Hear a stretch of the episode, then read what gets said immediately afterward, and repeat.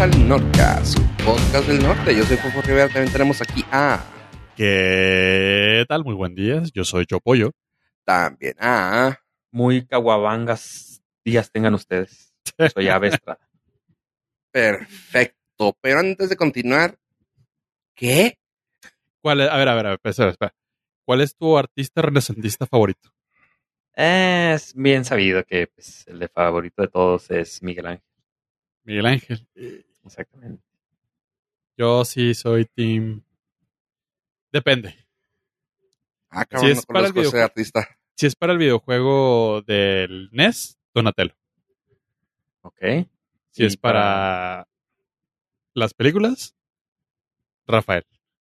Rafael Pero- era un héroe incomprendido. No lo es, pero ¿eso fue ya de adulto o desde muy temprana edad? No, ya desde chavito, Rafael. Rafael sí sentía como que el. Como el underdog, el que no le daban su lugar. Pero Ok. el rifaba. Porque. Leonardo era el ñoño, así. Ay, ay, yo voy a ser el líder. ay, Sí, sí, ese espadas". es, es muy fácil escogerlo a él, ¿no? Ajá, o sea. Los que, los que preguntaban al profe si iba a revisar la tarea o si iba a poner examen, elegían Leonardo. Sí, tienes razón. Los que nos sentábamos hasta atrás, a pesar de que no veíamos porque necesitábamos lentes, pero nos rehusábamos usarlos, Rafael. Y no, yo sí fui más eh, pizza, diversión. Porque siendo introvertido, como que Miguel Ángel era así como que, ah, eso era aspiracional. Quería ser Ah. así como Miguel Ángel. Mm, Ok, makes De- sense. Es el party dude. Excellent. ¿Y tú, Ajá, entonces. El, ¿cómo se llama? ¿Cómo, cómo dice el meme? El, el crecer y madurar, güey, te enseña que eres más otro que el original. El original para mí podría haber sido Miguel Ángel, que todo chavito a huevo te va a decir, ay, Miguel Ángel, Miguel Ángel. Pero ya cuando creces dices tú, no, güey, soy más Rafael.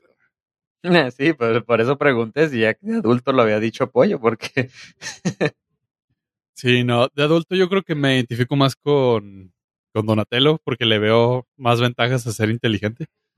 El Rafa, yo le veo más porque el único que queda vivo es Rafael en el futuro. Eh, pero tú vives en el futuro, estamos en el presente. Ah, y también depende de qué película hayas visto, cuál, cuál Ah, qué hablando. universo. es canon, pero como de 50 años. Oh. Les puedo decir así un, un spoiler de este cómic, porque sé que nunca lo van a ver. Todo está bien cabrón, todo está bien chida, güey. Ya no existe eh, Shredder por ser Shredder, pero todavía existe un Foot Clan medio raro. Y el único que quedó vivo es uno de las tortugas, güey, que lo alcanza a ver. Y ya es un shounen, ya es un pinche ninja, güey, solo, güey. Un, un- sí, pues sí, un ninja oscuro, güey. Que anda tratando de acabar con todo. Y lo ves, y el güey es así como que súper, súper acá, güey, intenso, fuerte, güey. Cabrón, güey. Y tú dices, pues este güey, ¿quién es, verdad? ¿Alguien que me pueda contestar esta? Ah, Ah, pero es Tortuga, ¿no? Sí, sí, sí, sí, sí. Ah, el hijo de Miguel Ángel. No, mataron a todos, güey. Y nomás quedó uno vivo, güey. Y es el que está ahí, güey. El Pero, o sea, tú lo ves y dices- era Rafael. Ajá, ahí te va, exactamente. Tú dices, güey, es Rafa, güey. O sea, siempre, güey, ese güey fue un hijo de la chingada, güey. Porque como actúa, güey, acá matando ma- malos, güey, la chingada. Y el güey así lo ves y dices tú, este güey está roto, güey, porque alcanza a ver a las tortugas en su mente y las ve, güey. O sea, porque pues como que les hablan de, sobre su moral, ¿no? Y está bien, bien pesado, güey. Dices, pobre Rafa, güey. Y ya al último, cuando termina el cómic, güey, te das cuenta que así se tuvo que hacer a, Miguel Ángel, güey. Y te rompe, o sea, a mí me rompió, güey, cuando lo vi. Dije yo, güey, o sea, no mames que, que Miguel Ángel se tuvo que hacer una pinche caca, güey, por, por todo lo que tuvo que vivir, güey. O sea, tú pensarías claramente, es Rafael, güey. Y al último te das cuenta que es Miguel Ángel, güey, que pues, toda la vida lo trató mal, güey, que al último se hizo una pinche caca de, de, de persona o de tortuga, güey. Ah, De tortuga antropomorfa. sí. bípeda. Pues mira, la vida es complicada y yo hubiera imaginado que su peor enemigo iba a ser un popote. Eso debería estar bien suave. Buen callback, buen callback. Entonces, si la vida te arroja popotes, pues te tienes que volver así. Un maldito. Un Ronen. Ah, pues muchas gracias por preguntar. Eh, estuvo muy bien mi, empecé muy bien mi semana. Bueno, mi día, porque hoy vi el arroz de las tortugas ninja. ¡Pum! Por eso ando muy caguabanguero. ¿Y eso por qué? Eh, se estrenó la película en Netflix. Es la película de la serie de Nickelodeon. ¿Se acuerdan del Rafael Gordo y del Splinter este, y la Abril afrodescendiente? Sí. Esas son las caricaturas que se llaman The Rise of the Teenage Mutant Ninja Turtles, que están en. Cartoon Network. Pero Ajá. sacaron una película hoy en Netflix. Que le fue muy, le está yendo mal, pero pues, Que Rafael está enorme, ¿va? ajá. Este, y se llama The Rise of the Teenage Mutant Ninja Turtles, está en Netflix y pues si quiere correr, véala, si no, pues no. O sea, no, Ay, no se pierde de nada. Así es una caricatura para niños moder- modernos, diría mi tía. Ah, Siento como una constante de cosas que salen mal cuando le ponen The Rise of. Puede ser. Es que, o sea, sí está divertida porque me gustan las tortugas, nada más. Pero no sé, necesito hacer una investigación de campo.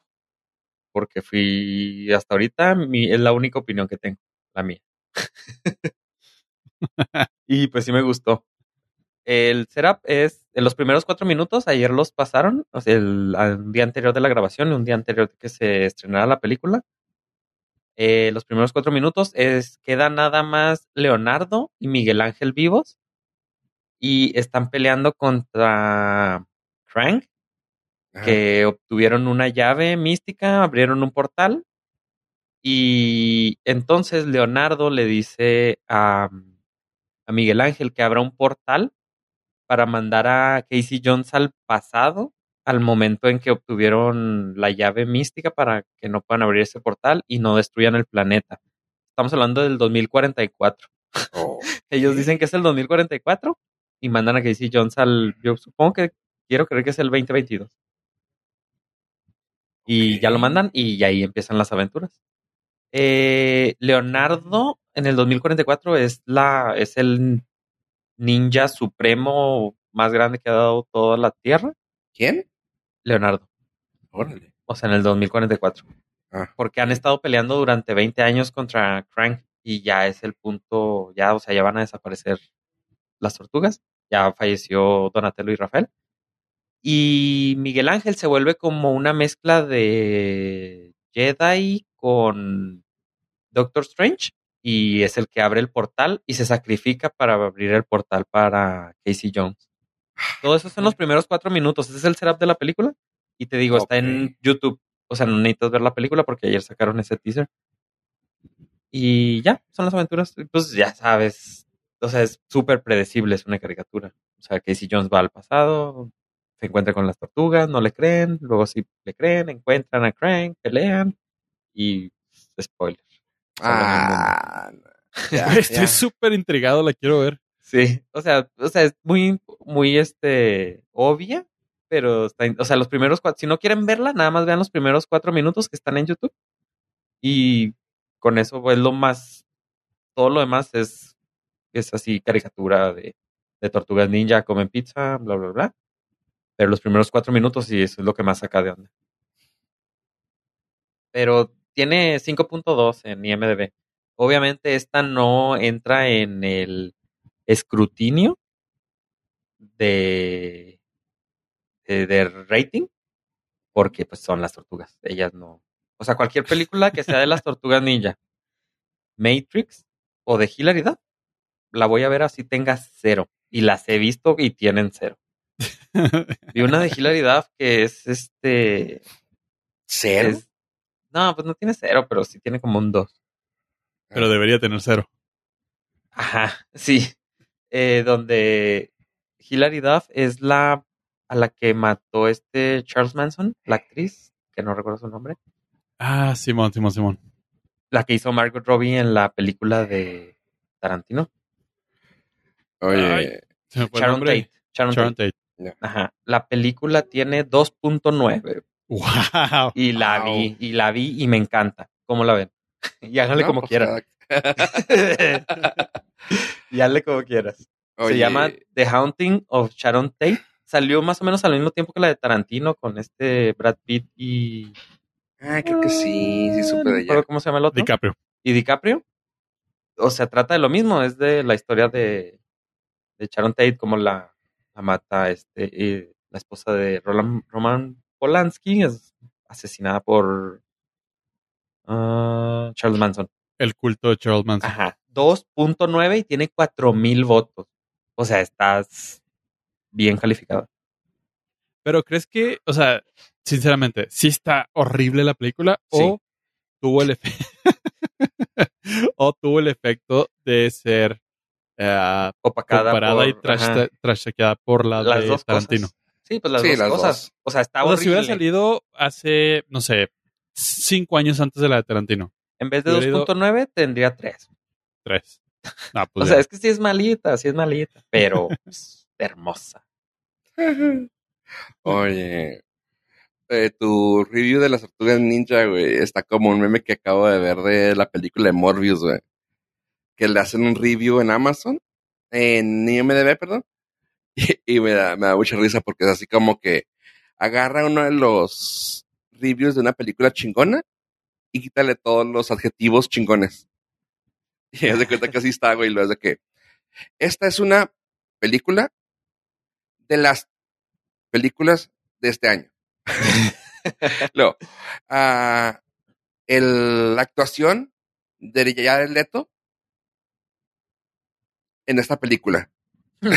y tú, ah, güey, no. O sea, está, está bien chida, güey, porque pues todo te deja así como que, ah, güey, a huevo, no, no, y todo es así como que todo hablando, güey. Así estás tú de que, sí, pues ahí está la película. Y pues sí, si la Y quieren, pues son las está. tortugas. Así.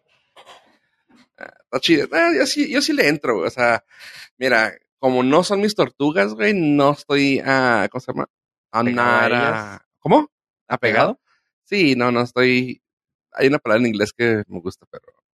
Sí, no estoy pegado a ella, güey. No me interesa si está buena o mala, así que. Sí, de, de hecho en la serie de Nickelodeon las tortugas tienen poderes místicos. Al inicio de aquí de la película eh, muestran sus poderes que son, por ejemplo, eh, Donatello puede abrir portales para mm, teletransportarse Ok. de partes de la ciudad. Y luego Miguel Ángel, este Rafa, eh, Leonardo tiene unas espadas como con un poder extra. Rafael se vuelve como invisible. Y Miguel Ángel, yo creo, come pizza. Ese no sé qué tiene. Pero. Ah, claramente, pues está hecho como para que vender juguetes, güey, con esos poderes, ¿verdad? Ajá. O sea, sí son totalmente distintos a lo que a todo lo que hemos visto. Pero de la nostalgia de ver a las tortugas, sí, pues está, no, pues sí está mala, pero es caricatura, o sea, tortugas, caricatura. Acuérdense, tortugas, Matrix o Hillary. Jal, Lo voy a ver. sí. No pasan por el escrutinio normal. No, no, no, no, no. O sea, tiene, Pero cero, la- tiene cero. O sea, ya, ya la vi. No, pero la premisa que diste sí se me hizo chida y me puse a ver en lo que ustedes discutían temas este, trascendentales, el, el cortito. Se ve chido, o sea, esperaba menos. Sí. Los primeros cuatro minutos, sí, este te, es- te ponen todo el setup, te explican qué pasó qué y te explican qué tiene que hacer y te explica hacia dónde va y pues ya, o sea, es muy predecible, obviamente, es una caricatura, pero Sí, digo, tampoco estamos esperando que gane un Emmy, pero, no, pero, pero es, entretenida. es lo que es y está chida. O sea, sí, yo sí la voy a ver. Sí, me enter- Sí, dura una hora veinte, entonces, o sea, entonces está, Es de... es de Nickelodeon en Netflix, Ok. entonces está gratis, o sea, veanla, ya pagaron, aprovechen. Aprovechen. ok. eh, Sí. Está bien. Sí me la vendiste, fíjate. Sí, es, ahora, como le dije a Pollo, esa fue mi selección de, de películas y voy a continuarme con ya de corridito porque hoy vi varias películas. Eh, después de las Tortugas Ninja, me puse a ver la película de Luck. ¿Usted- ¿Alguno de ustedes la vio? ¿O se enteró de ella? Sí sé de que es de Apple TV Plus. La Sí, de hecho. tengo en el queue, pero no la pude ver. De hecho, si entras a apple.com, es, está bombardeada de Luck. O sea, todo Ay, es verde. Oye, ¿sí es cierto? Si pueden entrar a apple.com, van a ver todo de Luck. Y es así como que, órale, na- no sabía que le metían tanta No, nunca lo habían hecho eso. Nunca habían hecho chida. eso. Sí. Eh, ahí les va. ¿Por, por qué la quise ver? Aunque tiene. Porque el Luck quise ver. Ah, por- ah, tru, tru, tru. Eh, aunque tiene 6.3, pero pues yo no sabía en la mañana que salió. Este, que, o sea, de hecho la vi cuando tenía 6.2 o menos. Eh, aquí está interesante. Vamos a hacer ahorita, después de lo que les voy a platicar, vamos a hacer grupos de tres y vamos a discutir entre nosotros y luego vamos a exponer al final de la clase. Eh, Lack es una película de un estudio de animación que se llama Skydance Animation. ajá. Skydance, eh, pues en realidad pues no habíamos escuchado mucho de ellos o no sé si ustedes habían Sí. escuchado. ¿Sí? Sí, sí, sí, hacen muchas, muchas caricaturas también. No son tan pe- no, no pegan tanto, pero sí. Ajá, pues a lo que voy, o sea, pues, ya, o sea, pueden tener 20 años, pero no habíamos escuchado nada de nada O sea, mi punto es, si yo no escuché de ellos, que yo no me pongo a ver así tan clavado como Fofo, es probablemente que no, no hayan hecho nada bueno. Y ahora resulta que esta película fue producida por ni más ni menos que John Lasseter. ¿Conocen a John Lasseter? Un vato medio conocidillo. Eh, leve. Me suena. Me suena. John me Lasseter es un- uno de los fundadores de Pixar, que hace varios años tuvo que salir debido a pues, ciertos mal comportamientos dentro de la empresa, Perdió su suerte. Ah, que ahorita no voy a platicar Eso de eso. malo. Sorry. sí, estuvo mal, pero déjame. Ahorita no voy a platicar de, de- eso, ni sino voy a platicar de la historia. Eh, bueno, yo, John Lasseter funda, crea la tecnología para renderear animaciones en 3D. Steve Jobs lo ve esa tecnología. Steve Jobs no está dentro de Apple, entonces como que tiene su liquidación de Apple y les suelta un billete y ellos, entre ellos tres, fundan Pixar y generan y crean a Toy Story. O sea, gracias a John Lasseter, Steve Jobs y el otro no recuerdo, Cat Moore, creo que se llama. eh, tenemos las películas de animación en 3D. Entonces, su, eh, viene con una racha de Toy Story, Toy Story 2, que es Cars, no sé, Finding Nemo, todas las películas que les gusten de Pixar, Monster Inc.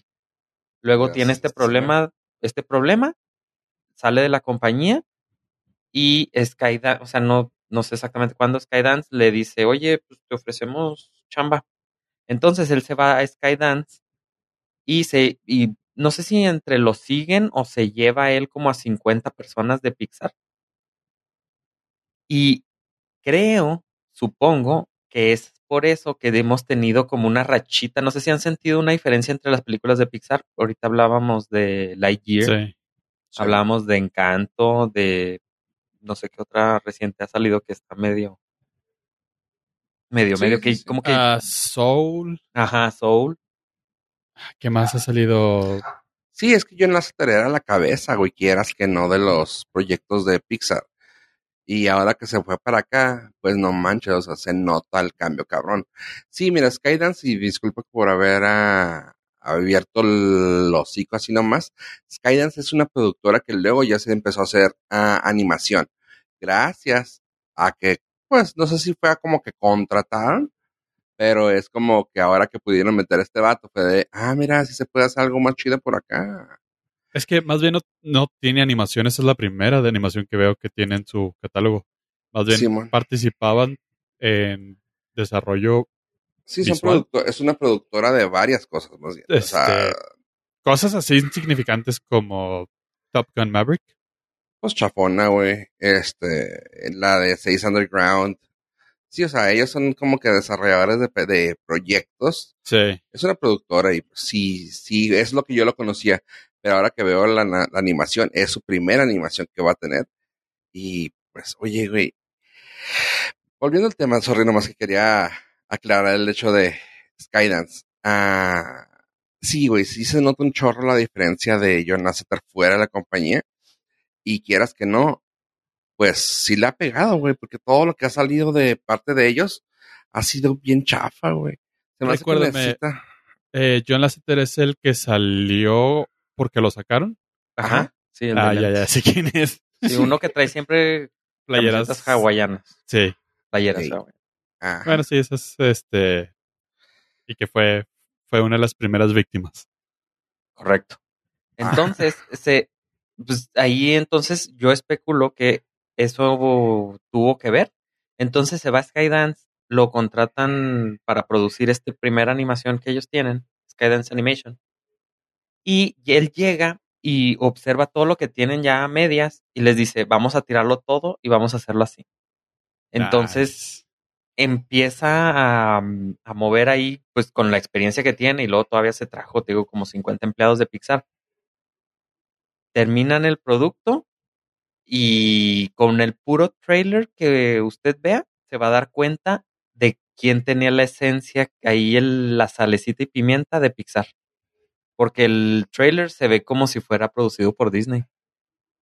O sea, es lo que hubiera esperado. O sea, tiene, es como si fuera Pixar Disney. Entonces, pues, para bien o para mal, se les fue de Disney y luego entra Skydance y ahora lo que está haciendo Apple es que con esta sello de garantía de la esencia de Pixar, pues le mete la, la nota, como podemos ver en su página apple.com y lo tiene Oh, en sí. apple.tv. Y hay, hay una razón también, digo, ya estando dentro de la chisma de lo que es Pixar y todo, el desmadre de la caída de Pixar es uno de los deals que hicieron con Disney, donde las, los derechos creativos de las películas de Pixar únicamente son de las originales, pero Disney tiene todos los derechos de las secuelas. Entonces, como tu empleador es Disney, te limita el contenido creativo que puedas desarrollar para películas originales y te obliga a hacer secuelas porque Disney se queda con mayor cantidad de dinero de esas de esas movies. Por eso vemos Cars 2, 3, 4, 5, 6, 7. Toy. Story 3, 4, 5, 6. Buzz Lightyear. Ajá, y le quitaron mucha creatividad. O sea, le quitaron mucho punch a, a Pixar que se juntó con la salida de lo sacaron a- de este güey. Y pues ya perdió totalmente el corazón. Porque sí, este güey es el corazón de, de Pixar. Sí, sabes que se- ahorita viendo eso, ay, discúlpame, eh, tiene mucho que ver, güey, que también la me- los medios lo, lo abucharon muy cabrón, güey. Estoy viendo reviews de la película, güey, y como buenos medios, güey, algunos en contra de la película, así de que es una basura de animación, otros así de que, güey, es el, es el Pixar 2.0, ya sabes, o sea, mixed reviews que dices tú, güey, o sea, vayan con el producto, no contra la persona, güey. Sí, Sí, pues se, se nota muy cañón que están bias. Sí, güey. Sí, sí, eh, eh, y está bien, pues cada quien tiene su publicación. Aquí también tenemos nuestra nuestra libertad Sí. para comentar. No fuera Hilary Duff, güey, porque No, no, ahí sí, uy, que con disculpa. Este, A ver, aquí quebrando una botella. Estás ¿Qué hubo, qué hablando con alguien que se puede denominar como un experto. y, y está interesante el, el cast de LAC porque tienes a Eva Noblezada, que creo que salía en. Ay, en la de Pixar, precisamente. te mamaste, güey, te brincaste, o lo vas a dejar el último así como que, ¿y la estrella? No, pues porque es la, es la actriz principal. Y luego está Jane Fonda de Whoopi Wolver. Entonces, pues como que dices, bueno, pues no, no le fue tan mal el castigo a John Lasseter. Ah, Ahora la pregunta es, está Eh, Simon Pegg, mamón. eh, sí, Ay, sí, eh. sí, pero es, es mucho de nicho What? para, para el, fandom geek. Ok. Dudo que muchas personas que, o sea, no es como que sea un lead man de muchas cosas Simon Peck. Yo lo amo, lo respeto, este, pero Ok, tampoco. está bien. Está bien. No, voy a defender algo que no puedo defender aquí, güey. Espero- no espero que alguien, un espectador casual Como yo. como Ave, sepa quién es Simon Pegg. Sí. Claramente. No. ya ves. Hasta ahorita que le di clic en su nombre, ya me enteré Ajá. es actor. Pero la, la pregunta, entre otras cosas, la pregunta es, eh, ¿fue planeada también por Apple TV o Apple TV nada más entró con la feria para distribuir? No, no, nada más le entraron con la feria. Ok. Porque ahí puede sal- salir una muy buena, muy buena sociedad. Sí, pues supongo que para eso van, o sea, con el tipo de plus, o sea, ni a, es que a, na- a ninguna peli- otra película que hayan comprado en, y que esté en Apple Plus le han dado esa publicidad que le están dando. Es que es todo, o sea, si, si nos ponemos así ya muy ñoños y románticos, es el hijo, o sea, es el hermanito de, de Steve Jobs regresando a casa. Sí, sí, sí. Sí, es el, pues es que es- ellos crearon Pixar, o sea, Ajá, ellos saben carnal. cómo, o sea, ellos inventaron esa industria, ¿sabes? Entonces ellos tienen toda la, la experiencia y la película, y se nota en la película. O sea, sin, si le cambias Skydance por Disney o Pixar, dices, ah, claro, obviamente tenía que Y se- seguramente si dijera Pixar, las críticas serían de no, Ajá, está sí. increíble. Ajá, sí, sí, sí, sí. Pero da la casualidad de que pues sale como él como, como productor. Entonces, pues es el único pero que, que se tiene. Entonces, si usted está eh, a favor, pues la puede ver. Si usted está en contra, pues no la ve y ya. No, no es obligatorio, acuérdese. Entonces me encantan tus reviews que es de, eh, pues, eh, ahí está. No, es que, o sea, sí está suave, o sea, no es de 7, 8. Es animación, es una mezcla, pues es, es entre varias películas de Pixar que hemos visto. Monster Inc. con, no sé, ¿cuál, cuál es? Es- está bonita, es una película Sí, bonita. es una película bonita y si andas muy sentimental, incluso te puede hacer llorar al final. O sea, es Pixar, güey. Es Pixar. Ajá, es que es, esa es la Ese es esencia de Pixar. Exactamente, que al final te deja. Ah. Si andas Simón. muy sentimental, si viste las tortugas ninja como yo, pues claro que no lloras, porque las viste. las- Que eres vato, macho. No, no, porque lloraste con cuando murió Miguel. Ángel, güey. Sí, güey. sí. Ah. O sea, ya, ya no traigo, ya no traigo lágrimas. No me queda más para llorar. Sí, pues ya no me queda más para llorar. Pero sí, o sea, este es totalmente Pixar 2.0. Entonces, pues ahí está. Si usted paga Apple TV o se lo dieron gratis ahí con un producto que compró o tiene Whatever. oportunidad, la puede ver. Está chidita. Obviamente para la audiencia consentida del hogar. Me gusta, me, me gusta la posibilidad de tener un verdadero ah, contrapeso de Pixar. Sí, está suave. Está interesante. Se va, se va a poner bueno porque van a tener Ajá. la feria. Skydance va a tener la feria de Apple TV, güey. Ah, exactamente. Y aparte el, el vehículo para distribuir tu, tu contenido. Sí, fácil. No va a tener Fácil. que batallar. A mí me No tiene sé. sorprendido, güey, lo que hicieron con la portada de Apple. güey. O sea, es de, güey, no mames. Sí, la página está reconocible. O sea, te están vendiendo los productos y te metes y ves ahí que, que están en el iPad Pro y que te cae, ya sabes, el gato y la morra y tréboles. iPhone 13 sin querer, pues su nuevo color era verde, güey. Así que ahí también está, güey. La MacBook Air con el conejo, güey. O sea, güey, está bien chingón, güey. Está bien sí. chingón. Sí, sí. No, sí, sí es algo que nunca había visto, güey, de, de parte de ellos. Sí, entonces esa fue mi selección. Que me pude haber arrepentido o no, porque ya vi otra película que se ve, viene para futuros Sí. análisis, pero esa fue la, la selección del día de hoy. No, pero estuvo, estuvo chida, estuvo muy chida, sobre todo por todo el contexto que trae detrás de, de la película. No Sí, nada sí, más eh, es Nomás por eso la quise ver, por, por el morbo.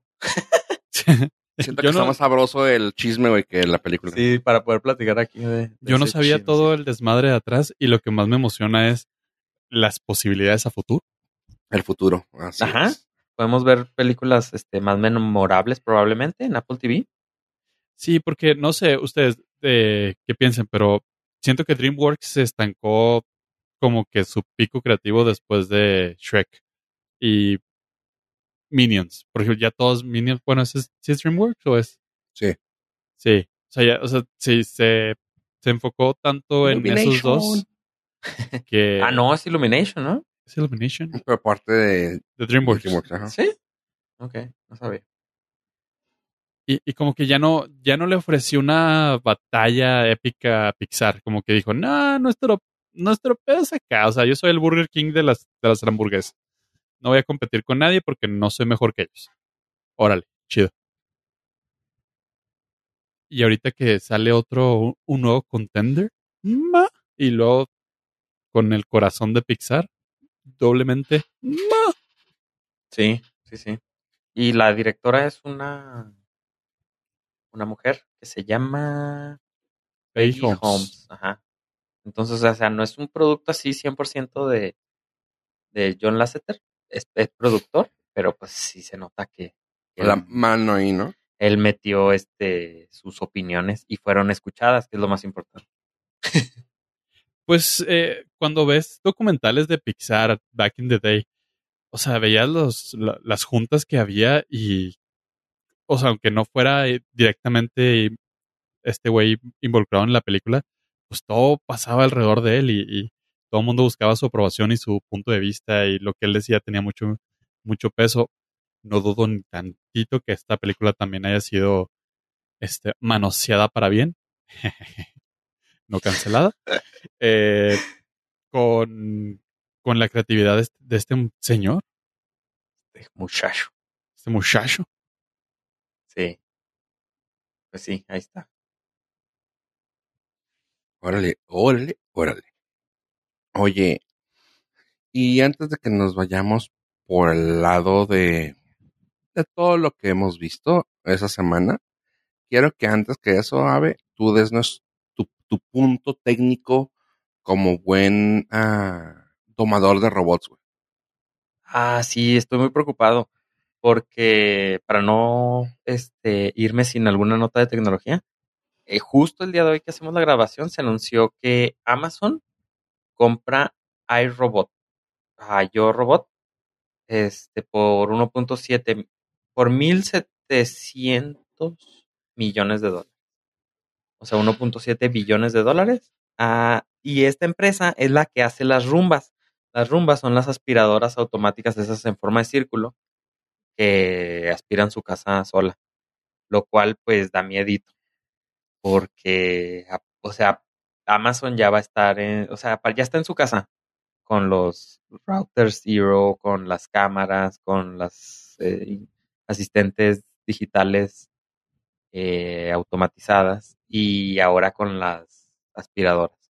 Entonces, pues ya va a ser, con, va a ser, podríamos cambiarle el nombre de Amazon a Robotina. Fácil. Sí, porque van a hacer todo lo de la casa.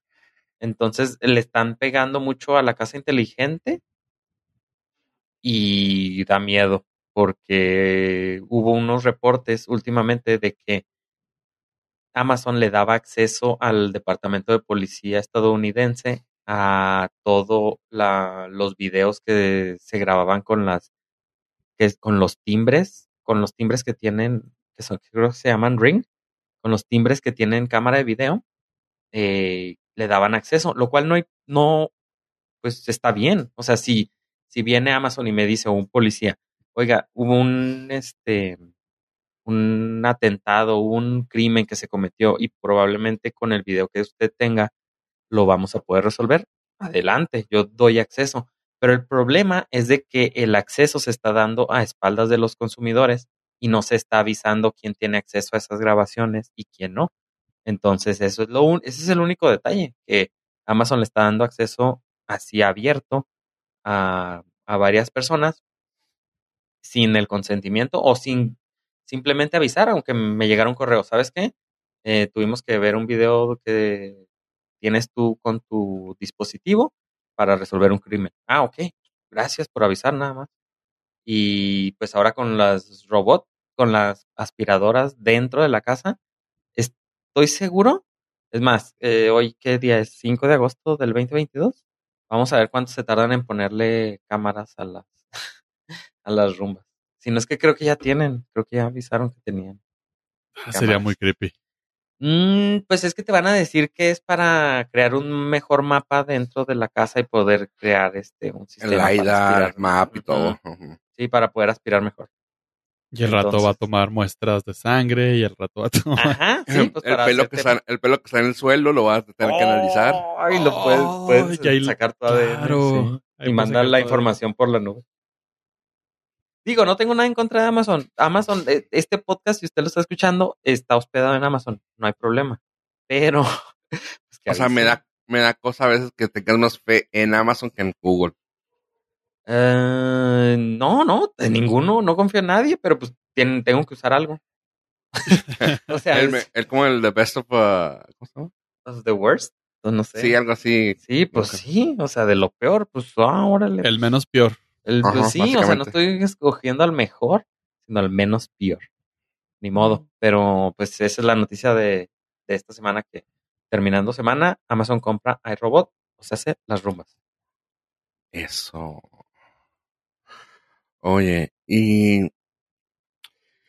Ay, pues bueno, déjame les hablo rápidamente de una cosa que vi que nomás les quiero decir. Así rápido, antes de que le demos lugar a, a un tema que Pollo nos explicó ahorita. Pero es de la película de Not Okay. La tienen en su radar, saben de qué va, se la escucharon. Acabo de enterarme que existe. Ok. Sí. Pues bueno, Igual la película eh, hizo ruido porque está hablando algo muy actual sobre los, los influencers y la, el rango que quieren tener y la facilidad que se les da la fama a gente, um, vaya la palabra, pero la fama que se le da a gente inútil. Y esta eh, encarna todo eso. Sale Dylan O'Brien, para los que no se acuerdan de este vato, era ah, Styles en Teen Wolf, era el otro compita del mero mero de Teen Wolf. Era la, era la, el, el principal en la serie de Maze Runner. Y alguna vez, ah, alguna ocasión comenté que este vato podría ser uno de los, de los del futuro de héroes de acción por esa película, después la de Maze Runner. Y te creo que tuvo una de así como de, de soldado, pero bueno, no me acuerdo cuál sería. La cosa es que sacó esta película de la mano de, no me acuerdo quién la produjo. No me acuerdo quién la produjo realmente. No me acuerdo en qué plataforma está, digo. Déjame ver, nomás, déjenme. Sí, mientras doy un dato curioso del de Star dijiste, Plus. es la voz de Bumblebee. Ajá, órale, qué chido. Que, o sea, pero como que qué papel tan más raro, ¿no? De soy la voz del robot que no habla. Ok. qué cura. Sí, es como que, pero soy la voz de Bumblebee. Ok, chido, güey. Ah, bueno, la película está ahorita en Star Plus. Se llama Not Okay. Y como dije, o sea, es, hablan de la actualidad de lo que son los influencers inútiles. Dan el contexto rápido. La morra quería ser influencer, ve para, los ve como una meta. Dylan O'Brien es un influencer súper famoso que trabaja en su, en su revista de, pues de chismecitos, ya saben, de influencers, vamos y ella tan solo es una fotógrafa que quiere hacer la de escritora. Y como veo una oportunidad de poder hacerse famosa, la toma y abusa de ello. Se cuelga de la fama de una activista que sufrió un atentado y pues mataban a su hermana, así que pues se cuelga de ella y empiezan a hacer cosas y al último, o sea, pues te das cuenta que como todo, como, si, los- si se fijan en lo que estoy platicando, tiene para ser una película como todas, con el mismo tropo de que se le regresa la- el karma, pues por ahí va. O sea, el tropo es el mismo, está muy actualizada al, punto de que dices tú, "Mm, no, órale, gracias, o sea, no traes nada nuevo, pero está entretenida, o sea, para nuevas generaciones puede ser una película buena. De hecho, creo que sí le está dando buena calificación a algunas partes. Ah, la última que vi en IMDB tenía 6.1, ahora tiene 6.0, ah, es triste. Y en, en Rotten Tomatoes está bajando también, tenía 76, ahorita tiene 74 y 64 y antes tenía 65, así que va bajando. Es una película que no nos toca ya a nosotros, o sea, ya, ya de 30 y cúbule para arriba, no es para nosotros este tipo de película, tal vez para la juventud que pueda decir, ah, huevo, güey, ese tipo de cosas no se deben de hacer. Sí, sí está muy así. Porque, por ejemplo, los, los reviews, las reseñas que he visto de jóvenes, es de, güey, qué chingón, güey, nos habla de cómo está el mundo y la fregada. Y los ves los señores así ya, los viejitos, güey, y es de, es una película que no toca nada nuevo, que ya, ya sabes, la tira caca. Pero, si está y la quieren ver, está en Star Plus. Eh, realmente no sale nadie que yo pueda decir, ah, qué chingón, está Dylan O'Brien y de ahí se acabó. De ahí en fuera, pues una chavita que salió en la de Before I Fall, una película que fue muy llamativona, por así decirlo. Y pues ya, así que, not okay, Star Plus 6.1. Not okay y some okay. Es barely okay. y, not okay is not okay. Ahí estaba el chiste. Ahí estaba. En el nombre. Y no tomaste la, la sugerencia, Fofo. A ver, y ahora sí quiero que Pollo nos diga de, de ese personaje que salía en la de algo de ¿cómo se llama? ¿Seis? ¿Six? Ah, ¿cómo es? The Big Hero Six, el personaje principal. Bomax. ¿Baymax o cómo se llama? Sí, era Baymax, pero ah. este es Bomax. Ah, qué personaje tan chingón. ¿Quién es?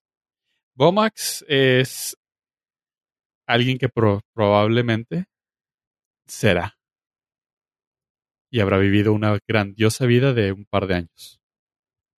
La aplicación famosísima de HBO Max, o a partir de este momento para todos los no listeners, Bomax, ¿Por qué? Eh, eh. está a punto de transformarse. No es un cambio, es una evolución. Lo cual puede ser catastrófico. No, es un cambio. O sea, no eres tú, soy yo. Ajá, exactamente. Tú sí capiaste. El punto medular de todo este desmadre es que Warner ha sido adquirido o ha tenido una alianza con Discovery. Y al parecer, el proyecto de HBO Max está por expirar la parte poderosa, increíblemente, en esta transacción fue Discovery, que absorbe todo el contenido de HBO Max como plataforma. Y no queda claro cuál será el futuro de esta, de esta compañía de streaming. Lo interesante, lo, lo rescatable es que ya hay víctimas y no sé si han estado escuchando chismecitos ahí por las redes, pero ya hay un nuevo board de directors de, en Warner, bueno, en, la fusión de estas compañías. Y básicamente entrando dijeron, con el perdón de mi francés, se va toda la chingada. Ah, suena más como español, güey, pero. Eh, es que tienes el oído entrenado. Ah, es, como Doctor Who. Básicamente lo que se acaban de aventar es, no nos vamos a enfocar ya en sacar contenido origin, bueno, contenido de exclusividad para plataformas, quiere decir películas. Nos vamos a regresar al formato de volver a hacer contenido para cine. Ese va a ser nuestra, nuestra, nuestra principal método de trabajo. Como más bien nuestra estrategia de negocios. Ya hay un claro ejemplo. Elvis va a ser la primera película de de Warner que no va a pasar a la, a la plataforma HBO Max con el tiempo mínimo que estaba previamente este, establecido de 45 días, lo van a dejar más tiempo para que esté más tiempo en cartelera. Van a exprimir así hasta el último centavo que se pueda en cines antes de ahora sí pasarlo a sus compañías de plataformas. La primera víctima de todo este desmadre fue Batgirl. Le dijeron, ahí te ves a pesar de que la movie, para efectos prácticos, ya estaba terminada de grabar. Ya nada más iba a pasar a postproducción, pero el nuevo director dijo, eh, no, ahí te ves. Esto no está funcionando. Si eres tú, no soy yo. Y de acuerdo a un estudio que realizaron, se iban a ahorrar 20 millones de dólares al no estrenarla que estrenándola. Las pérdidas que iba a provocar. Ouch. Así de, así es, así de fuerte. Y con ello también se anunció la cancelación y finalización del, del Arrowverse y del, ahora sí, para todos, el Snyder Cut, finito. No hay posibilidad. Ya, no hay Ninguna, nada más. cero. Nada. De hecho, ah, también hablábamos mucho sobre el futuro de DC, del de- DCU, que hasta cierto punto me da gusto que ya haya llegado alguien como su propia versión de, de un Kevin Feige y ya dijo, ok, ¿saben qué? Todo esto va a ser un pinche reboot.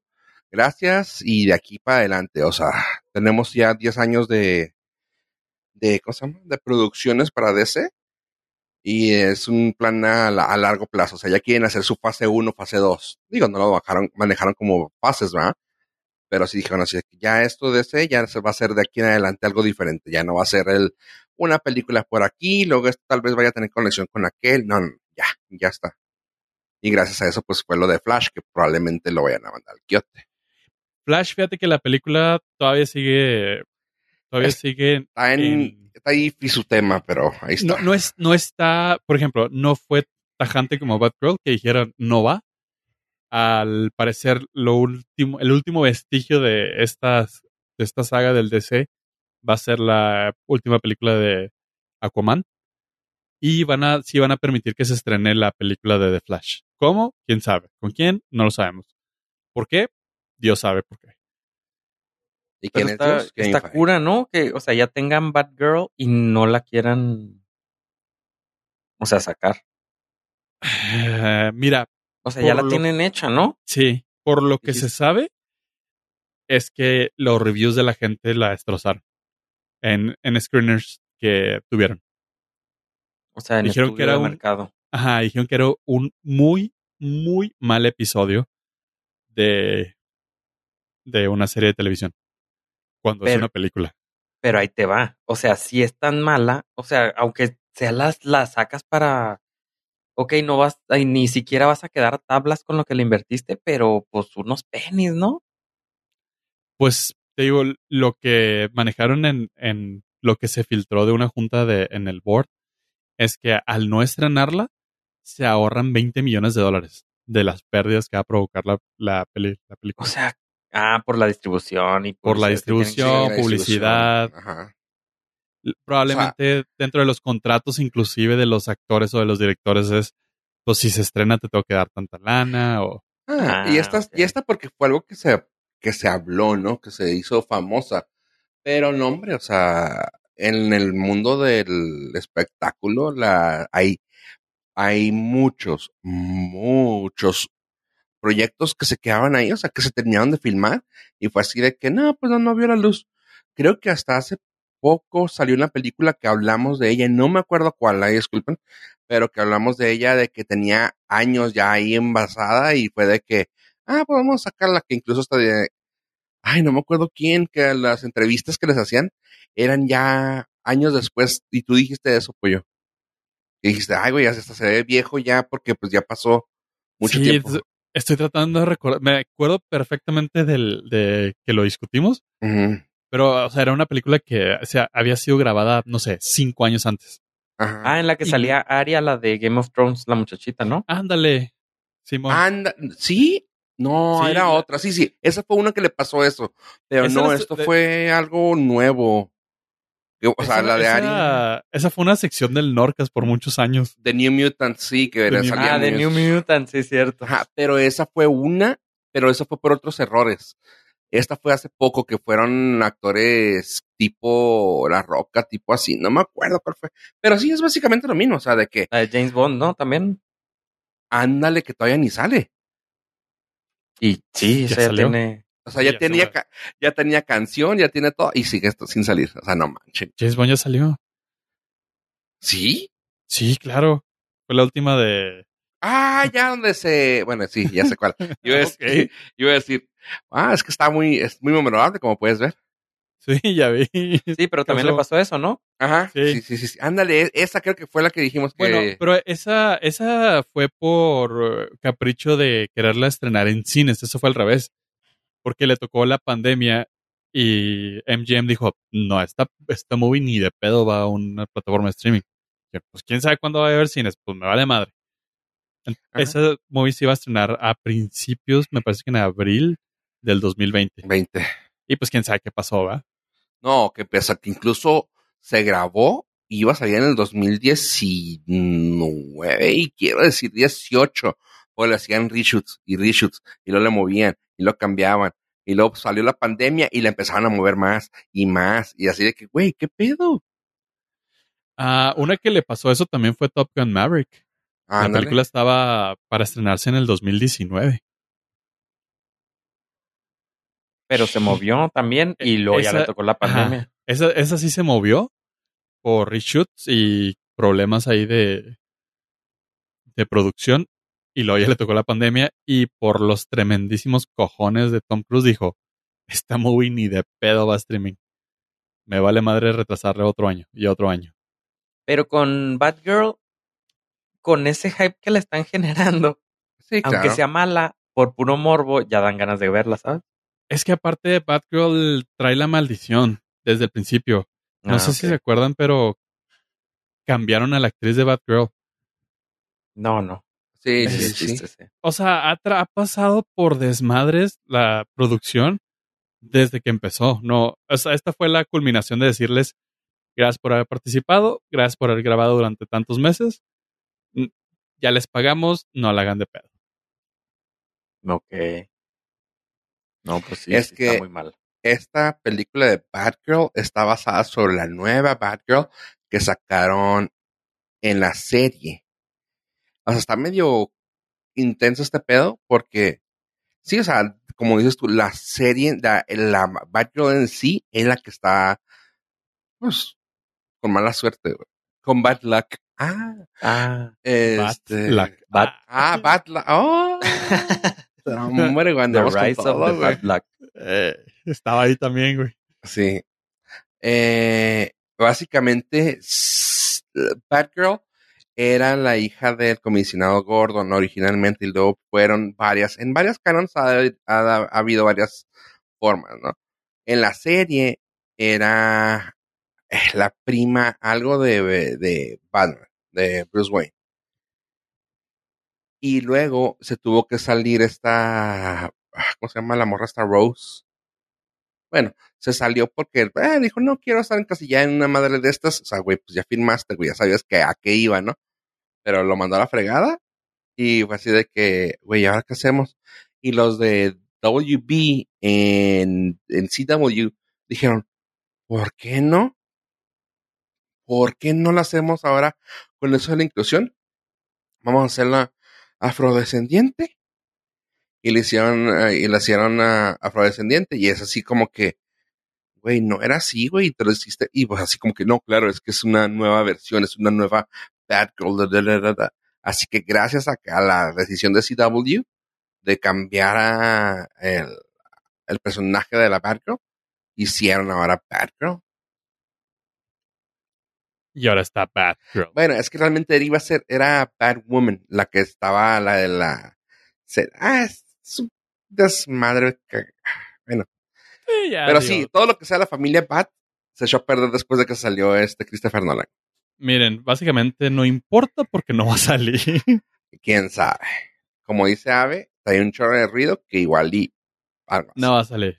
Yo, yo sí estoy muy convencido porque es como el primer statement de, de esta nueva administración. Ponle dinero, paps, pues si estás tan seguro. Ah, pues a Chale, andar de aquí así con lo- cualquiera. ¿va? Aquí lo dejamos. Eh, yo ofrezco a mis compañeros y colegas de este honorable podcast 10 pesitos. Arre. 10 11, pesitos. 11 para que se vea. 11. Cale, para que cale. Ok, yo pago 11. Si pierdo, pero ustedes, ustedes dos. si Ganas yo gano, 22. Ustedes dos pagan. Simón. Pero no sabemos cuándo, así que es igual y si sale en el 2038, güey, vamos a ganar, güey. No, no, hay que darle, hay que darle un time frame. No, No, podemos- no, no, no, no, no. Dijimos cuando Ah, saliera.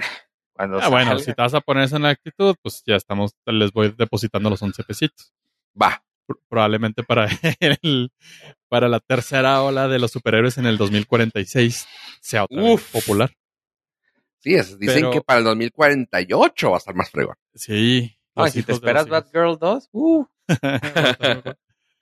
Pero bueno, parte de lo que está cura aquí y quiero aprovechar el equipo de los el equipo de tres que hicimos para discutir lo de Ave es que el, el, el power lo trae Discovery y absorbió Warner de una manera que uno pensaría que sería diferente. Y usted se preguntará, pero pollo, ¿qué es Discovery? ¿Qué me ofrece Discovery? Discovery Plus está disponible en nuestra región. Pues mire, si usted vive del río Bravo para abajo, no. No está disponible Discovery Plus, que fue la que se va a fusionar con HBO Max. Pero Discovery Plus eh, cuenta con todos los canales de Discovery Channel, cuenta con el Home TV, cuenta con Animal Planet, ah, canales de crímenes que se llaman investigas, creo que ID Something, Travel Channel, Do It Yourself, Entertainment, Motor Trend, Food Network, TLC, ah, y documentales de la BBC. O sea, entiendo que pues sí debe tener su contenido y su fandom, que son los canales que te regalan casi casi con cualquier paquete de cable. Pero sí me llama mucho la atención que del que el Power Move sea de esos güeyes con HBO. Y hasta el día de hoy no han confirmado si la marca como tal de HBO Max va a desaparecer. Eso Ah, sí me llama, se, se- se me hace, se me hace cura, se me hace cura, la neta. Porque uno pensaría, pues, ok, sí, como lo hizo Disney con National Geographic, eres parte de mi catálogo. Pero no, aquí es, a ver, compa, yo soy Discovery Plus y adquirí HBO Max. ¿Qué hubo? Yo creo que por yo, yo por estrategia pensaría que igual se meten dentro de HBO Max y le vuelven a hacer un re- rebranding. Ahora se va a llamar Bo, Bo Plus, güey. HBO Max Plus. Bo Plus Max. Algo así, o sea, ya sabes, Está, para está quedarse dentro de la misma plataforma, güey, que es la que tiene a nivel, eh, no sé si sea mundial, pero es la que está en varios países, güey. Yo me quedaría dentro de la plataforma y claro, le daría una sección totalmente así, en shiny numbers y colors para, pa- para Discovery. Ajá, o sea, eso, eso sería lo lógico. Pero todos los indicios apuntan a que la marca que queremos conservar como la primera es Discovery. Pero nadie ha dicho eso, o sea, lo, lo han Sí, dicho está- nosotros, o sea, la Eh, gente, son- nadie son- dentro son- de allá. No, son los radiopasillos. De hecho, todo lo que hemos discutido en este, en este panel de, es, es información extraoficial. Porque todo es rumorología, todos son chismes, todos son radiopasillos. Hay todavía muy pocos statements, como oficialmente lo único que sí está declarado es que Batgirl ya valió madre. Pero fuera de eso, eh, hay fuentes muy confiables dentro de dentro de, de esa organización que es lo que están empujando. Porque volvemos al punto, HBO Max no compró Discovery, Discovery compró HBO Max. Sí. Y tan- pues, tanto fue así que el CEO de, de HBO fue el que salió bailando y estipularon, bueno, creo, creo que sí está confirmado, pero la mayor cantidad de gente de pantalón largo de Warner ya bailó también. Sí, un buen recorte de cabezas ahí, es lo único que supe, pero pues va, va a seguir. Yo creo todo lo que resta de este año, ¿no? La reestructuración. Para Latinoamérica no nos va a afectar en absolutamente nada nuestro paquete de Bomax hasta el otoño del próximo año. Entonces, todavía tenemos un añito para que usted siga disfrutando del paquete que contrató. Por ejemplo, estoy muy contento porque pagué, pago 75 pesos, que es nada. Y aparen, bueno, cuando lo contraté decía que era un precio vitalicio mientras existía la plataforma. Nunca me hubiera imaginado que iba a ser un año. es como el que compró el ticket en 150 mil dólares o 200 mil dólares de, creo que de American Airlines, que por como en los setentas para viajes de por vida gratis. El ticket vitalicio. Y le costó 21 millones de dólares a la empresa porque el vato agarraba vuelos así de para irse a desayunar a otro Sí, país. A Europa. Ajá, está así como tú, o sea, es este, compraste según tú el vitalicio, pero pues ya va a desaparecer, igual que el ya va a desaparecer. vitalicio de vuelos. Como si, si han visto una entrevista que le hicieron a este Alex Tienda, el, el que no el Luisito comunica. El que se hace reportajes de, de viaje. Ándale, salió con los de la cotorriza y estaba explicando de cuando se ganó un premio de una aerolínea. Así como tú dices, sabe, de que el güey ganó un premio de un año de, ah, pues, eh, viajes gratis en todas nuestras, en todas nuestras aerolíneas, eh, por un año. Y dice el güey, no mames, güey, lo exprimí, güey, así como tú dices, y se hizo bien chida porque el vato decía, güey, es que ellos estaban pensando en que era una familia la que iba a estar viajando, pero vato, joven, soltero, sin jale, güey. O sea, yo me iba con el, dinero del almuerzo del día, güey, y me subía a un avión y comía en otra parte, güey. Les hablaba a un amigo en, no sé, güey, en, en, él vivía creo que en México, güey, así de que le hablaba a un amigo en Tijuana y le digo, oye, ¿qué pedo? ¿Estás ahí? Te caigo para la de la comida, ahí caigo. Sale, pues, pum, ya, agarraba el vuelo, llegaba, comía con él y se regresaba ese mismo día, o de ahí decía, ah, bueno, de aquí me quiero ir a Cancún. Y así, y así, güey, dices, no mames, güey, viajé, le exprimías lo que más pude, güey, dices, güey, sí, está bien chingón, güey. Pues pollo, tienes que exprimir todo lo que puedas Bomax porque Ándale. Sí. desaparecer. Sí, sí, totalmente. Lo que tengo total certeza, pero no tengo ninguna prueba, es de que una vez que se haga la fusión y entre al mercado nuevo, va a subir de precio. Con Claro. el con el simple branding nuevo que van a hacer, van a decir, y gracias por haber participado, tu contrato era con Bomax y Bomax ya no funciona. Desde ¿Quieres este momento con- desaparece esta. Ajá, desaparece tu promoción. Así como cuando te adquiere la nueva telefonía que compró al proveedor que usabas tú y decían, ay, qué chido paquete tenías, pero ¿qué crees, compa? Ya ese no funciona. Pero por 100 pesitos más, le podemos dar casi lo mismo que tenía, menos algunos extras, Pero casi lo mismo. pero casi lo mismo. Y casi el mismo 100 pesos precio, más. pero 100 pesos más. Sí. Ah, me han dicho. Creo que para allá va el futuro de, de esta plataforma de Discovery y Bomax. Oye. Y antes teníamos una sección para cada cosa que hablábamos y ahorita, antes de llegar a la sección de Netflix, quiero comentarles de Paramount Plus. Eh, Paramount Plus tiene una película que salió llamada Honor Society y está, eh, está chida, está muy padre. Tiene los tropos de toda la fucking life. Sale este chavo uh, Gaten Matarazo, o sea, hace este Dustin de Stranger Things. Y la verdad, la verdad, la verdad, aunque tenga todos los tropos, me gusta mucho cómo se desenlaza. Tanto que comparado a la otra película que les comenté, tiene mejor uh, rating eh, tanto en IMDB como en Rotten Tomatoes. Está, como les dije, tienen unos tropos típicos de que, ah, yo voy a desmadrar, yo tengo que ser la mejor que para esto y le pones un, le pones el pie a los demás y resulta que se te regresa como un tipo 10 cosas que odio sobre ti. Así de que, ah, yo voy a enamorar a un güey para que me, para llegar a algo y al último se te regresa. Pues algo así está, no quiero dar nada, no quiero regalar nada, pero es por ahí el rollo del tipo de historia, pero da un giro muy fregón. Me gustó. Honestamente se me hizo una película chida con chavitos de 20 años, o sea, y está padre porque también no es una película de de chavitos tontos como, ah, vamos a ponernos bien pedas y vamos a hacer la vida bien. No, güey, está chida, está entretenida, está inteligente. Sale uh, también Christopher Mintz, uh, a.k.a. Foggle, eh, que, ¿cómo se llamaba en la película de Superbad? Que se ponía. El? McLovin. McLovin, ándale, güey.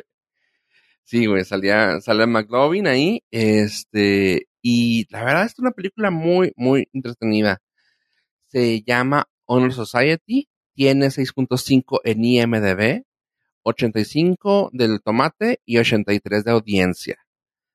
La otra actriz que sale como principal es Angry Rice, la cual tal vez si la conocen o si se acuerdan, es Betty en Spider-Man y es por la que yo puedo creer que la puedan conocer. Betty, la reportera rubia que sale ahí.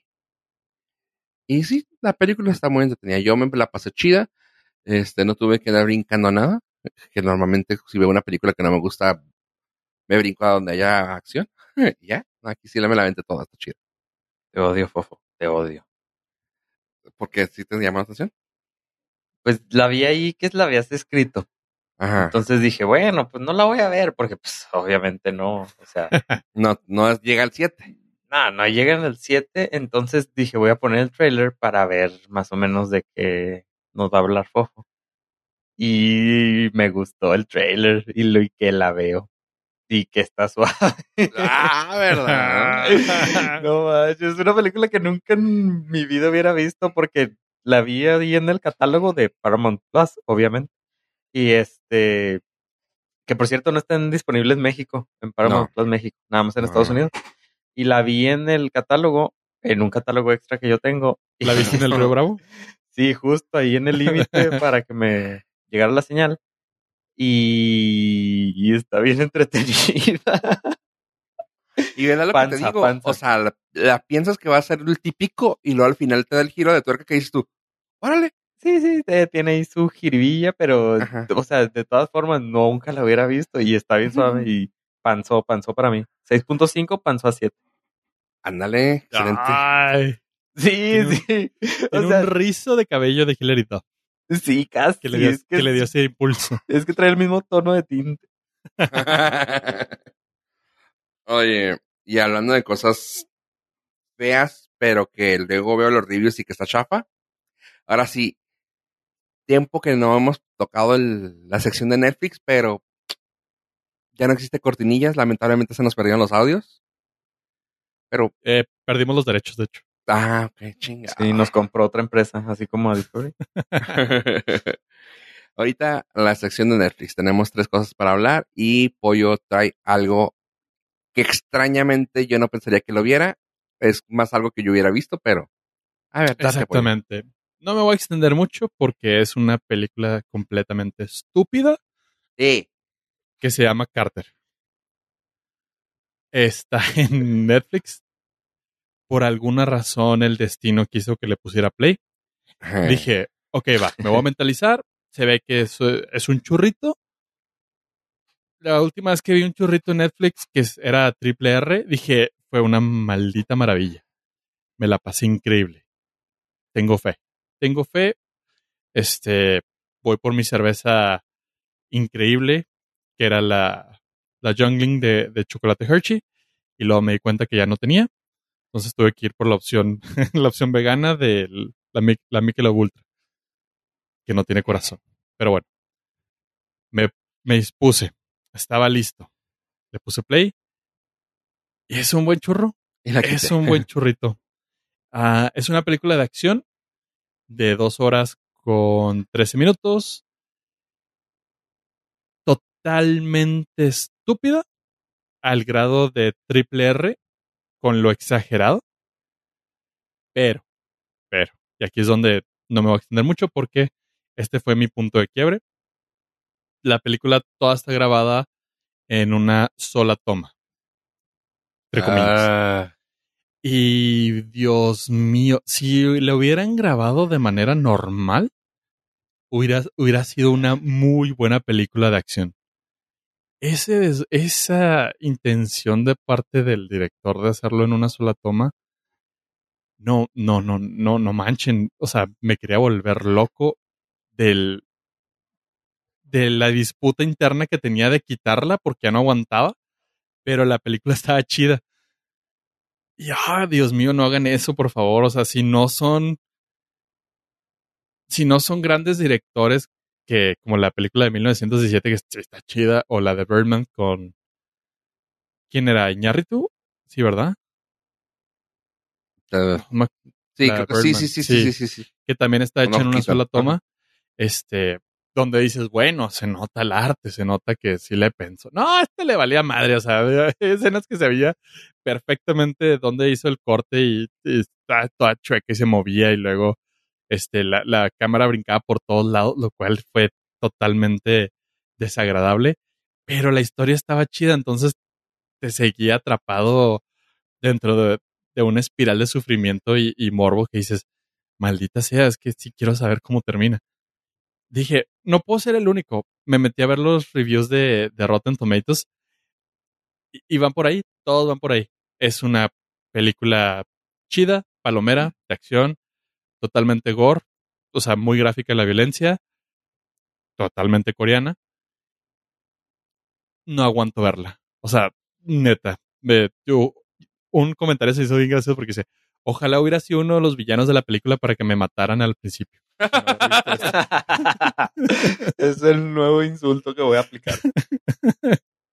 Dije, "Ay, sí, es que sí, está, está, está fea la forma en que está hecha la película, pero la película está entretenida. Entonces, el, ustedes no lo saben, pero la escaleta puse es un churricisísimo coreano que Fofo disfrutaría. Y estoy convencido de que Fofo disfrutaría ver esta película. A lo mejor yo. no, no sería la mejor, como mi recomendación anterior de Triple R, que esa sí tenía mi sello de garantía. Pero esta está lo suficientemente palomerota para, para aventársela a alguien que disfruta el cine coreano. Excelente. De acción. Está bien. Sí me lo aviento. Sí la vi, sí la ten- De hecho, ya le tengo la manita para arriba para que me notifique. Así que Carter 5.3, 43 y 67. Está los estándares normales de acción. Acción. De hecho, me tiene sorprendido el 5.3 en IMDb. Pero, pues, a ver, vamos a verla. Al rato te, Eh, al rato te aviso. Todo lo bueno es por parte de la historia. O sea, todo lo que empuja positivo a la película eh, es que la historia está chida, o sea, está entretenida y, la acción está muy buena. Todo lo malo es la forma en que la grabaron. Ok, excelente. La checo. Y pues supongo que para no hacer tanto rollo, supongo que la gente que nos escucha ya vio, ya sabe o algo sobre la serie de Sandman, eh, que está en Netflix.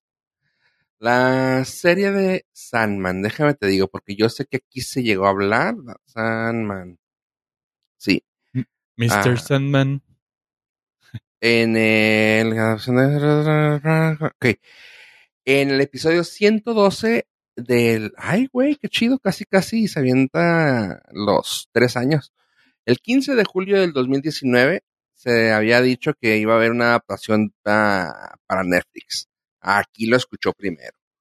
Luego hicimos un, update el año pasado, el 14 de junio, de que ya iba a salir eh, el próximo año, o sea, este año. Así que aquí está.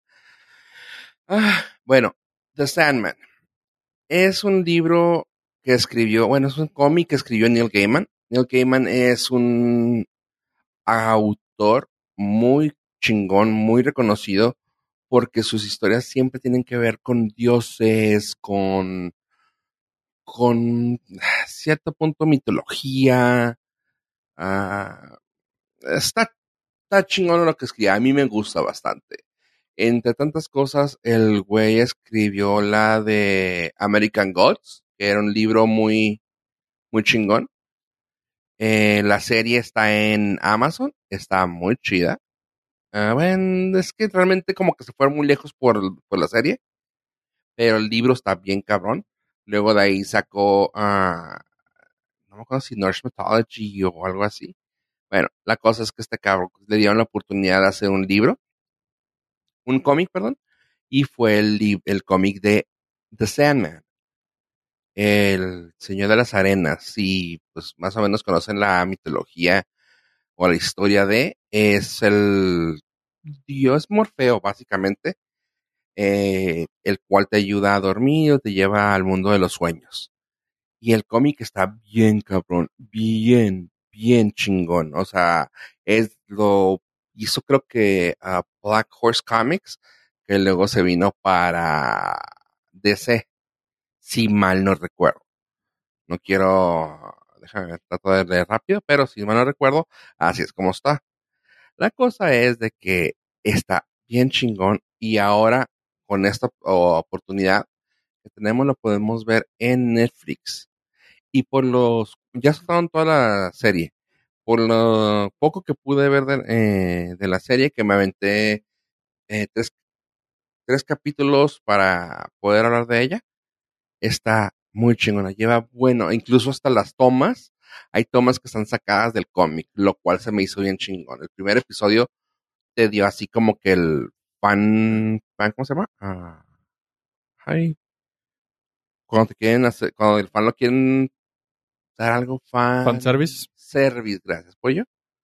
Eh, sí, o sea, tienen un fan service bien cabrón de que las tomas estaban así, casi, casi toma por toma el cómic y de que, güey, qué chingón. La historia está pesadona, está pesadona en el punto de que está chidota. Así que yo se las puedo recomendar, chavos. Está ahorita en, en Netflix. Si les gustó American Gods o si, pues sí, alguna vez llegué a hablar de la serie de American Gods, si les gustó, esta es para ustedes también. Está en IMDB con 8.3 y en Rotten también está en 84, 88. Lo cual a los estándares avescos, aunque AVE es muy raro que se aviente una serie, está muy por arriba de lo que normalmente recomendamos. Con un 8.3 y 84. Sí. 80. sí se las avienta, nomás que son como siete años después y todas de madrazo en una semana. Probablemente. Sí, ya cuando está toda la serie completa. ¿eh? Sí, ya cuando se acabó. Ya la dejaron. y ya murió el, ya murió el mame. Y, y algún protagonista o algún. ah, sí, también. Güey, no mames, ya habían Sandman. A ver, ya tiene. Güey, es que está bien ver. Ah. O sea, es que. Él me había sacado estoy... del spin-off, güey. sí. Yo, yo estaba ahí desde que vi Jenna Coleman. ¿En serio? Es, es una oportunidad más de volverla a ver. Qué chido. Chido que te guste sí. por algo, güey. Punto. Sí, y es que es mi companion favorito. Ah. Yo no la veo porque no me gusta la arena, güey. Porque se queda pegada y luego ah, te tienes que andar en las regaderas que tienen ahí cerca de la playa. No, y luego tu pie sensible. Ajá, por ejemplo. Ahí está, ya ves. Es que tiene mucho que ver. Está totalmente llena de, de ñoños, güey. Geeks y lo que quieras. De tanto de Estados Unidos como del viejo continente, güey. Y eso se me hace algo bien chingón, ¿no? O sea, desde que tienes al Estados Unidos a Patton Oswalt, como puedes tener también a Stephen Fry o a Jenna Coleman o a Gwendolyn Christie. O sea, tienes a actores de mucho renombre en el mundo ñoño, como todo lo que ha hecho este señor, el Neil Gaiman.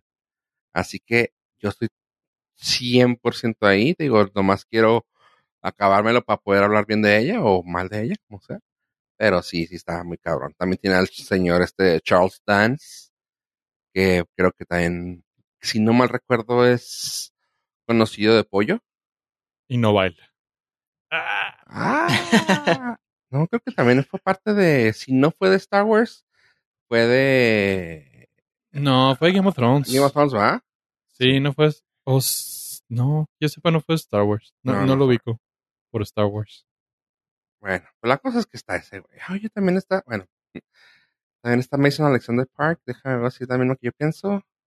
No, no es.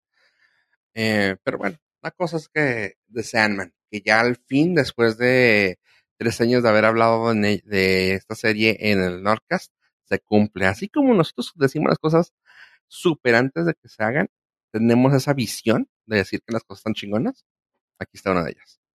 Sandman 8.3, 84 en, en Rotten Tomatoes. No por nada nuestro departamento de futurología es tan codiciado. Sí, toda la sección que tenemos aquí, allá en el ala sur de, la, de los estudios de Border FM, se dedican a eso, estar siempre están al punto, o sea, cuando nos llega aquí las, los escritos que tenemos que aventarnos, ya están pasados, ya están hablados con todos los directores, productores. Cuando llegan las cartas de restricción. Sí, También. gracias al equipo de, de, de writers allá en el Azul. Nadie nos cree, ¿verdad, güey? qué triste. Pero ahí está la evidencia. O sea, nos pueden creer o no. Ah, ahí sí. está la evidencia. Así Póngale es. play en el 112 de hace tres años y se habló aquí. Y yo también me emocioné, igual que como ahorita. Ay, y continuando con Netflix, les puedo decir, chavos, tenemos una opción que, así como Aves Aventoner Society, quiero que se aviente esta. La película es Don't Blame Karma, o ¿Qué culpa tiene el karma? Es con Aislinn Derbez. Y Me la aventé por la añadidura. añadidura, ajá. Por osmosis. Sí. De, de ruido de fondo me la aventé. Simón. Y honestamente está muy chida con, con mi amigo personal, con Gil Cerezo, el vocalista o ex vocalista, no sé si todavía sigue el proyecto de ah, Kinky, cosa que no sabía que, que tenía cosas así de ya actuado. Y pues se lo, se lo aplaudo. No es el gran actor, pero pues también para hacer su primer papel está muy bien hecho. O sea, está chida. La película es la típica de... hmm, sí es un tropo conocido de que un chavo con, anda con alguien que conozco y yo estoy enamorado de esa persona y tengo que ver cómo poder no afectar eso. Así que sí es un tropo conocido. Pero está muy divertida. Me gustó mucho ver a Aislinn Derbez actuando, como que normalmente ves a todos los demás Derbez actuando. Y Aislinn en esta película, creo que sí ha tenido películas, ha hecho películas muy sosas. Déjame ver. Sí, se ha hecho una que otra así como que me. Y casi siempre de segunda. Y aquí se la llevan de principal. Y está chida. Está muy divertida. Se llama ¿Qué culpa tiene el karma? Como les digo, con Gil Cerezo como actor principal. Y honestamente, está divertida. Me divertí. O sea, cosas que me doy, me doy a la tarea de de vez en cuando ver películas mexicanas para tan solo decir, como para tan solo ver cómo va el cine, que tal vez no vaya a ser de culto, como un Roma, pero es cine mexicano para ver cómo van. Y honestamente, ¿qué culpa tiene el karma de Netflix? Está chida. 4.9 ni MDB. Ve, por el, por el género de la película no esperaba más, pero está chida. Así que, ¿qué culpa tiene karma? Y MDB 4.9 en Netflix. 4.9 nomás. y a mí, yo porque no tenía otra opción, o sea, de estarla escuchando, pero pues, no, ni de chiste. No, sabes Sí, que yo la vi por, por Gil, honestamente. Eh, lo digo jugando de broma, pero pues sí es amigo de la familia. Dijo así de que, ah, qué chido, güey, vamos a ver qué está haciendo. Y sí estuvo chido, o sea, sí me gustó. Ah, más de lo que debía. Porque honestamente yo también no tenía contemplado que me pudiera gustar. Y sí, me gustó más de lo que debía gustarme. Por eso. ¿Ves? Bueno, justifico pues, ya mi. están, ya justifico están, ya porque están advertidos. Así es. Estoy un poquito biased por eso, pero. Ah, no, pues sí, es- yo hice el disclaimer. Hillary Duff tiene Mr. Ninja Turtles y The Matrix. No importa. Así es. Yo también así te estoy diciendo por qué. Pero sí ahí está. Así que pues creo que ya fue todo lo que tenemos para hablar apuntado. ¿Algo más que le quieran echar a este lindo y bello podcast? Y el dar las gracias a los nordísimos por habernos aguantado durante una hora con 24 minutos. Y esperemos que se lo hayan pasado ATM. Nunca cambien, chavos. Fofo. Digo, tú, Ave. Ah, ave. Coman pizza, coman pizza. Caguabanga. Adiós, adiós.